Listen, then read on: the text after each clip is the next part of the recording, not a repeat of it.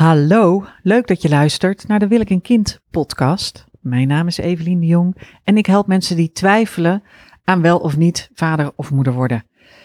Ik wil het vandaag kort met je hebben over bestaansonzekerheid. Want van de week stond er een stuk in de Volkskrant. Bestaansonzekerheid leidt in veel gevallen tot uitstel of zelfs afstel van je kinderwens.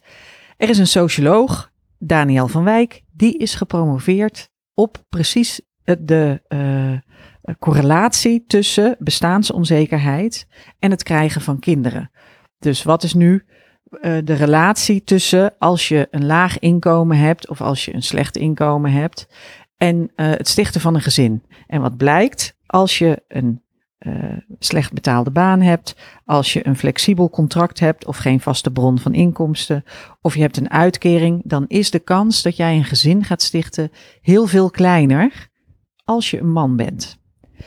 En um, voor vrouwen, als je een flexibel contract hebt, is de kans ook kleiner als je, dat je een gezin gaat stichten, omdat uh, ja, er zwangerschapsdiscriminatie is tot op de dag van vandaag is er sprake van een babyboete.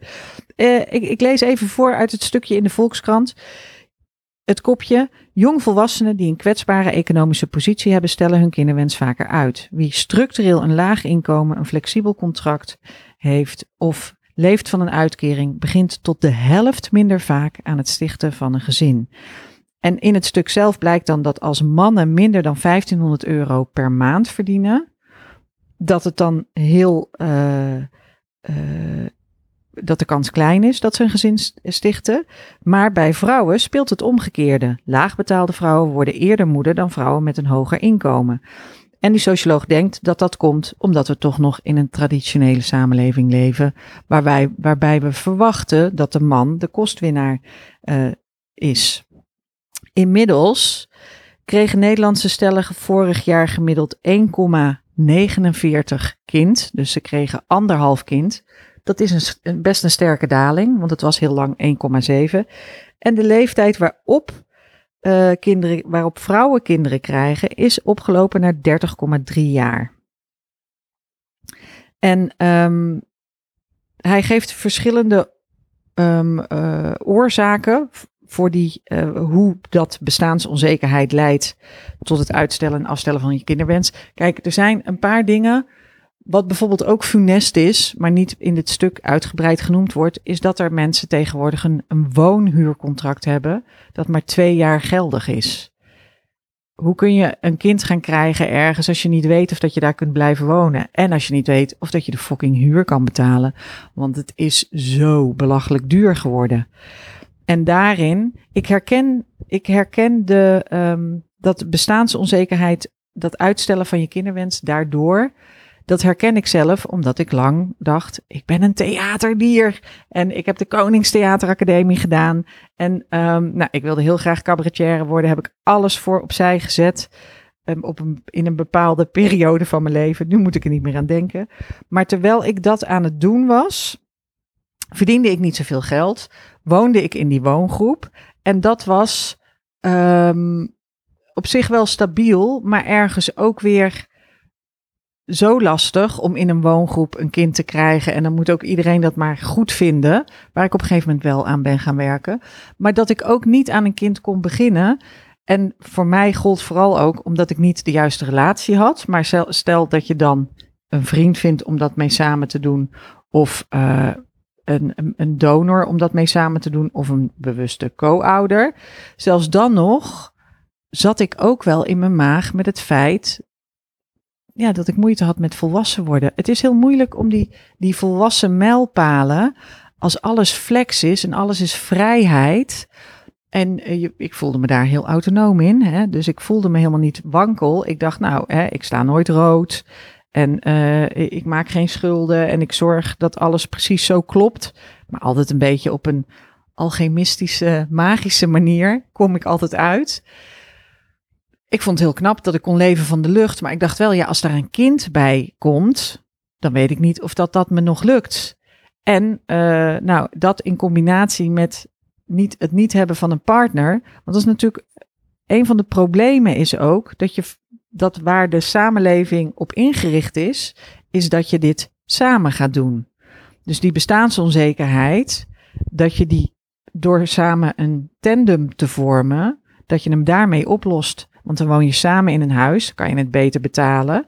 Uh, een van de twee kan wat meer verdienen dan de ander. Meestal is dat de man. Maar uh, er zit dus inderdaad een hele grote groep met laag betaalde mannen die buiten het vizier blijven. Want uiteindelijk krijgen er minder mannen een kind dan dat er vrouwen geen kind krijgen. En het is helemaal prima om te leven zonder kind is helemaal oké. als dat is wat je wil, als je daar zelf bewust voor kiest. Maar als het is omdat je denkt, ja, ik ben gewoon nog niet helemaal volwassen geworden. Of ik ben nog beter bezig met die theatercarrière. Ik weet ook nog heel goed, mijn ouders hebben een triljoen keer gezegd Kom terug in Bergen op Zoom wonen. Kom terug in Bergen op Zoom wonen. Ga in het onderwijs uh, werken. Zorg dat je hier een rijtjeshuis hebt. Nee, dat zeiden ze niet. Maar zorg dat je uh, uh, ga weg uit Amsterdam. Kom terug in Bergen op Zoom wonen en zoek een baan. 100 triljoen keer tegen mij gezegd. Ik weet nog dat ik mijn moeder een keer helemaal, uh, was ik helemaal, lag ik er vanaf. Toen was ik al helemaal wanhopig door die kinderwens. En toen was ik helemaal in tranen. En toen wist ik niet wie ik, wie ik nog kon lastigvallen met mijn ellende. Dus ik belde mijn moeder, rots in de branding. Ik belde mijn moeder en ik huilen. En toen zei ze hele verstandige dingen. Toen zei ze, wat je gaat doen is, je uh, neemt een glas water en daarna ga je eventjes uh, liggen, doe je een dutje en als je dan wakker wordt, haal je een washandje over je gezicht en dan daarna ga je lekker naar buiten en ga je wandelen. Dus je gaat eerst even rusten en dan ga je wandelen en het komt heus wel goed, alleen dat zie je nu nog niet. En als je dan uh, naar buiten gaat en je gaat wandelen, dan wandel je naar de biep en dan kijk je in de krant en dan zoek je een baantje. En dat laatste, ja, dat beviel me natuurlijk een stuk minder, want ik wilde helemaal geen baantje. En tot op de dag van vandaag uh, zouden ze nog heel gelukkig zijn als ik zou zij instromen in het onderwijs. Maar ze zijn ook heel trots op dit werken. Uh, ze, uh, maar ze zijn heel trots en fier nu op hoe het nu gaat. Maar ze vinden ook dingen aan mij gek. Waarom woon ik niet samen met de vader van het kind? En waarom blijf ik in dat malle Amsterdam hangen? Wat is daar nou leuk aan? Maar goed. en het is voor hen ook, ik merk ook zelf dat de stad ik, ben nog iets centraler gaan wonen. Uh, ik merk dat de stad inderdaad wel heel druk is en mijn fiets is van de week gejat. Nou, dat is ook een authentieke Amsterdamse ervaring waar je niet op zit te wachten. En um, misschien is het buiten de ring ook wel leuk. Ik maak er altijd grapjes over. Maar hoe meer grapjes ik erover maak, hoe dichter bij het verhuisbericht komt, mensen, dat ik de stad ga verlaten. Uh, maar voorlopig is het nog niet zover.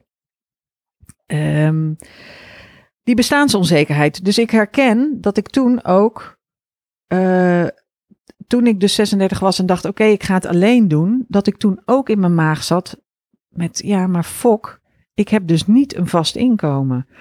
En ik heb niet, ik zit, ben niet in de situatie dat als mij iets overkomt, dat er dan iemand voor mijn kind kan zorgen als ik dit in mijn eentje zou gaan doen. En ik, en ik wilde wel geëmancipeerd zijn, maar ik wilde ergens ook heel graag gewoon gered worden. Door een prins op een wit paard met een tiet geld. Die gewoon zegt, kan mij het schelen meisje. Stuur die rekening maar door naar mij. Helemaal niet. Zero, ge zero uh, um, uh, geëmancipeerd. Maar ik, ik wist ook niet zo goed hoe ik het dan moest oplossen. En ook daar zeiden mijn ouders, die, die, nou, die zagen dat met ledenogen aan. Ik weet nog dat mijn vader ook, die zei ook van, ik heb helemaal die studie betaald en uh, ben je cultuurwetenschapper geworden. Nou, dat was natuurlijk al hè, geen economie en geen rechten. En toen ging ik daarna ging ik ook nog op de Wallen werken. Heb ik op de Zeedijk bij uh, uh, Rob van Hulst rondleidingen over de Wallen gegeven. Nou, wat, wat moet je daar nou als cultuurwetenschapper? Maar ik vond het daar fantastisch uh, een fantastische tijd gehad. Dus het, eh, ik, um, ik herken dat, dat je denkt van oké, ergens voel je, ergens voel je, je ziet mensen om je heen aan kinderen beginnen. Je ziet mensen om je heen stappen zetten. En dat lukt dan omdat die een beter betaalde baan hebben, omdat die een stabielere relatie hebben, omdat die ouders hebben die helpen. En uh, jij bent nog niet in de optimale situatie voor een kind. En nou vroeg ze bij één vandaag, en ik weet niet of dat het uiteindelijk, uh, waar ik dus wordt, werd geïnterviewd over bestaansonzekerheid. Die, wat kun je nou doen als je last hebt van die bestaansonzekerheid? Dus als je net als ik denkt, oké, ik heb niet een steady inkomen. Ik kan wel de huur betalen, maar alleen maar in deze woongroep. Um, ik, uh, uh, ik, ik hoop eigenlijk dat iemand me komt redden. Maar als ik daar niet op hoop, dan heb ik niet echt een plan. En um, het vervelende is dat er die kinderwens dwingt je om daar veranderingen in aan te brengen. Maar wat ook heel belangrijk is, is dat je niet de lat heel hoog blijft leggen, maar dat je gaat kijken naar wat is er goed genoeg voor mij. Dus toen ik dat eenmaal ging doen, ik was natuurlijk eerst heel erg eh, emotioneel incontinent en hartstikke in de war. Maar toen ik ging van naar het ideaalplaatje kijken naar wat is er goed genoeg om aan een kind te kunnen beginnen. Kijk, mijn ouders vonden aan een kind beginnen in een woongroep met gaskachels, nou absurd. Aan het museumplein, waar ook nog regelmatig gedemonstreerd werd en uh, uh, sowieso die gekke stad. En ik dacht, ik heb ook nog een tijdje een vriendje gehad op de ADM. En die had niet eens gas, die had er niet eens een gaskachel. Die had een woonwagen en dat deed je met hout in een, in een, in een, in een kachel. En daar had je niet eens een toilet. Dan moest je naar een, een, een of ander organisch ding ergens in de bosjes. zeer, zeer organisch. En die kreeg er ook gewoon uiteindelijk kinderen.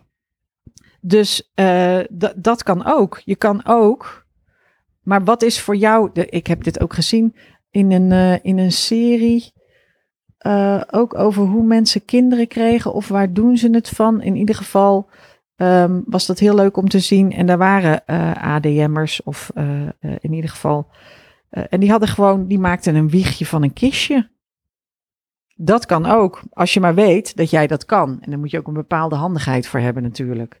Maar wat je dus wil, is niet kijken hoe hoog de lat waar je hem het liefst zou willen hebben, maar kijken om je heen met de dingen die ik nu heb, wat kan ik dan? En wat is er goed genoeg? En op het gebied van woonruimte, kijk, het is natuurlijk schandalig dat er tegenwoordig huurcontracten zijn voor een woning die maar twee jaar gelden. Dus dat je na twee jaar sta je weer op straat. Waardoor je dus nooit iets mag zeggen over wanstaltige verhuurders en waardoor je dus uh, op drift raakt. Het minimale wat je wil als je zwanger wordt en een kind krijgt, is dat je ergens rustig dat kind kunt baren en dan nog even rustig kunt blijven liggen. Niet dat, dat daar allerlei onzekerheid in zit. Maar ik zie ook bij vrouwen waar ik mee werk, die dan zeggen: ja, maar als ik dit in mijn eentje ga doen, dan moet ik eerst een ander huis. En als ik dan vraag, oké, dus je woont nu in een omgeving die niet geschikt is voor het krijgen van een kind. Zeggen ze, nou ja, de omgeving is wel geschikt. Maar ja, dit is een eenkamer appartement van 40 vierkante meter. Dan zeg ik, oké, maar kan je daarin een hoekje maken? Natuurlijk is het prettiger om meer vierkante meter te hebben en om niet een eenkamer ding te hebben, maar dat het ruimer is. Maar voordat je, je gaat proberen zwanger te worden, voordat je dat bent, is, gaat er best wel wat tijd overheen. Dan moet je negen maanden zwanger zijn en dan komt er een baby uit. Een baby is niet heel groot. Um, en je wil helemaal niet, dus die slaapt bij jou in de buurt. Dus je bent zo al twee jaar verder voordat je, voordat je huis echt te klein wordt. En wij zijn inmiddels negen jaar verder. dus ons kind is tien en dan kun je nog steeds, wij slapen nog steeds op één kamer of we hebben nog steeds een piepklein kamertje. En op een gegeven moment denk je, ja, dan moet hier wel eens iets veranderen. Of we willen wel op een andere manier. Maar er valt ook een mouw aan te passen en het is ook oké. En dan schuiven we het bed maar in. Het, het, twee, mijn tweepersoonsbed moet dan maar in de woonkamer. Ja, had ik me dat voorgesteld? Nee. Is het onoverkomelijk? Ook niet. Had ik daarvoor het moederschap willen missen? Ook niet. Dus het is belangrijk dat je niet blijft vastzitten in hoe hoog kan de lat liggen en wat uh, zou ik het liefste willen. Maar dat je juist onderzoekt, wat is mijn laagste lat? Wat is er goed genoeg? Het is niet een heel sexy verhaal, geloof ik, wederom. Maar goed, ehm, het werkt wel. Het werkt wel heel goed hoor. Het werkt ook heel goed om te bedenken dat je geen stress wil. Dus ik heb een blog geschreven over wat kost een kind eigenlijk. En wat je wil is geen stress. Het is niet erg om een uitkeringsmoeder te zijn. Ik weet niet eens of dat het woord is. I don't care. Er zijn rijke mensen met allemaal constructies op de Maagdeneilanden. Max Verstappen zit in fucking Monaco helemaal nul belasting te betalen. Hij rijdt er heel hard voor, prima. Maar laat dat niet een, een, een, ehm, een ethisch bezwaar voor je zijn als het niet jouw ethische bezwaar is. Dus misschien is het wel je ethische, misschien kan je daar helemaal niet mee leven. Dan moet je het niet doen. Maar dat is dus interessant om te onderzoeken. Het is dus interessant om te onderzoeken waar kan ik, waar voel ik me prettig bij? Wil ik, als ik, ik, ik dacht eigenlijk, ik had bedacht dat als ik, ik heb ooit eens een theaterstuk gemaakt toen ik nog in Polen, in Białystok, uh, theater moest maken over iets dat mij diep raakte. Nou, toen speelde die kinderwens al. Toen heb ik met babykaplaarsjes, kinderkaplaarsjes, ach zo schattig, van de HEMA een heel stuk met een lampje erop. En hè, een soort imaginair kind dat over het toneel huppelde. Nou ja, enfin, uh, kreeg een dikke voldoende voor. Uh, objecttheater was dat. Um, maar ik dacht ook van, oh, dan ga ik allemaal leuke dingen kopen. En uiteindelijk ben ik gewoon niet zo'n shopper. Dus toen ik een kind had, nou, mijn moeder die kocht sneller dan het licht. Dus daar kon ik helemaal niet tegen op. En ik ben gewoon niet heel af en toe. Ik geloof, ik heb één keer een heel leuk truitje gekocht. Nou, dat is het dan. En uh, uh, tot op de dag van vandaag. Soms doe ik mijn best. En de dingen moeten wel groot genoeg zijn en heel. Maar uh, het interesseert me niet, niet zo heel veel. En ik zat enorm op de achterhand. Dus ik kreeg van iedereen zakken vol met prima merkkleding. Oh, en mijn schoonzus, die heeft ook geweldige kleren. Uh, uh, dus ze heeft uh, twee grotere nichtjes van een overleden schoonzus en een andere schoonzus. En daar heb ik ook zakken met kleren van gehad. Dus ze loopt er heel, ze is absolute fashionista, mijn kind. niet helemaal. Maar um, dus daar, daar hoef je helemaal niet de kosten in te maken, tenzij dat iets is wat voor jou heel belangrijk is. Als het, je, eh, als het voor jou heel wezenlijk is om stylish voor de dag te komen en om je kind in een fancy uh, kinderwagen rond te rijden, dan heb je dat natuurlijk wel nodig. Maar ik heb eerlijk gezegd alles bij kringlopen vandaan uh, gejut en ontvangen. Liefdevol met open armen. Gratis shit ontvangen.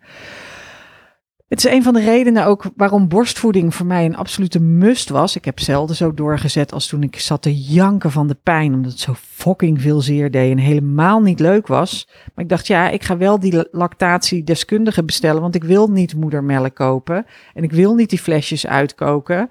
En ik heb er ook het geld niet voor en dat is gewoon allemaal te veel gedoe voor mij. En toen uiteindelijk vond ik het hartstikke leuk.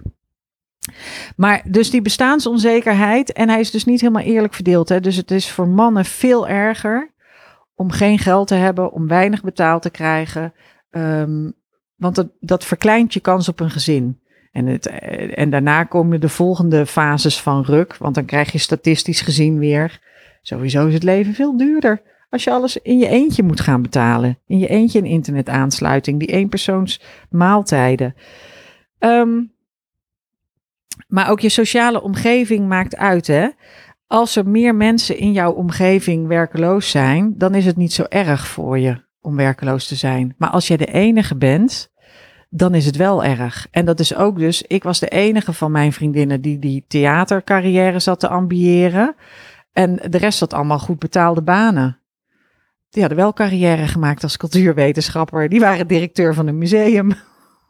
dat zijn ze nog steeds. Die vrijheid paste bij mij. Dus, dus dat alles flex en, en vrijheid en autonomie en niemand zegt mij wat ik moet doen. Maar de keerzijde is geen vaste bron van pecunia, hè, geen, geen steady flow of inkomen. En daardoor, dat was dus iets waardoor ik die kinderwensen ook niet kon verwezenlijken. Dus ik snap dat heel goed, dat dat maakt en, dat, en het kruipt erin. Dus het is niet zo dat je dat heel de dag bedenkt. Het is zo dat je op een gegeven moment denkt: fuck my life. Waarom ben ik zo oud en waarom is er niks gelukt en wat moet ik nu doen? Nou ja, en um, dan ga dus op zoek naar goed genoeg. En ga niet, want het is belangrijker dat je voor jezelf weet, wil ik moeder worden en wil ik die verantwoordelijkheid nemen, dan dat je denkt, nou, in dit huis kan het niet. Je moet het omkeren. Eigenlijk moet je denken, kijk eens rond in dit huis. Zou ik hier zwanger doorheen kunnen banjeren? En kan ik hier een baby kwijt in een kistje? En als dat kan, dan is het huis dus niet het probleem. Dan moet je bij jezelf te raden gaan. Dan moet je kijken in jezelf van, oké, maar wil ik dit moederschap echt? En wat moet er dan in mij veranderen? Nou, dus tot zover de podcast over bestaansonzekerheid. En ehm, geef jezelf op voor de Wil ik een kind nieuwsbrief, want dan hoor je allemaal toffe dingen, zoals uh, er start binnenkort weer een kompas. En je krijgt bericht over uh, andere podcasts en, uh, en interessante dingen over wel of niet een kind. Oké, okay, zie ik je op mijn mailingslijst. Doeg!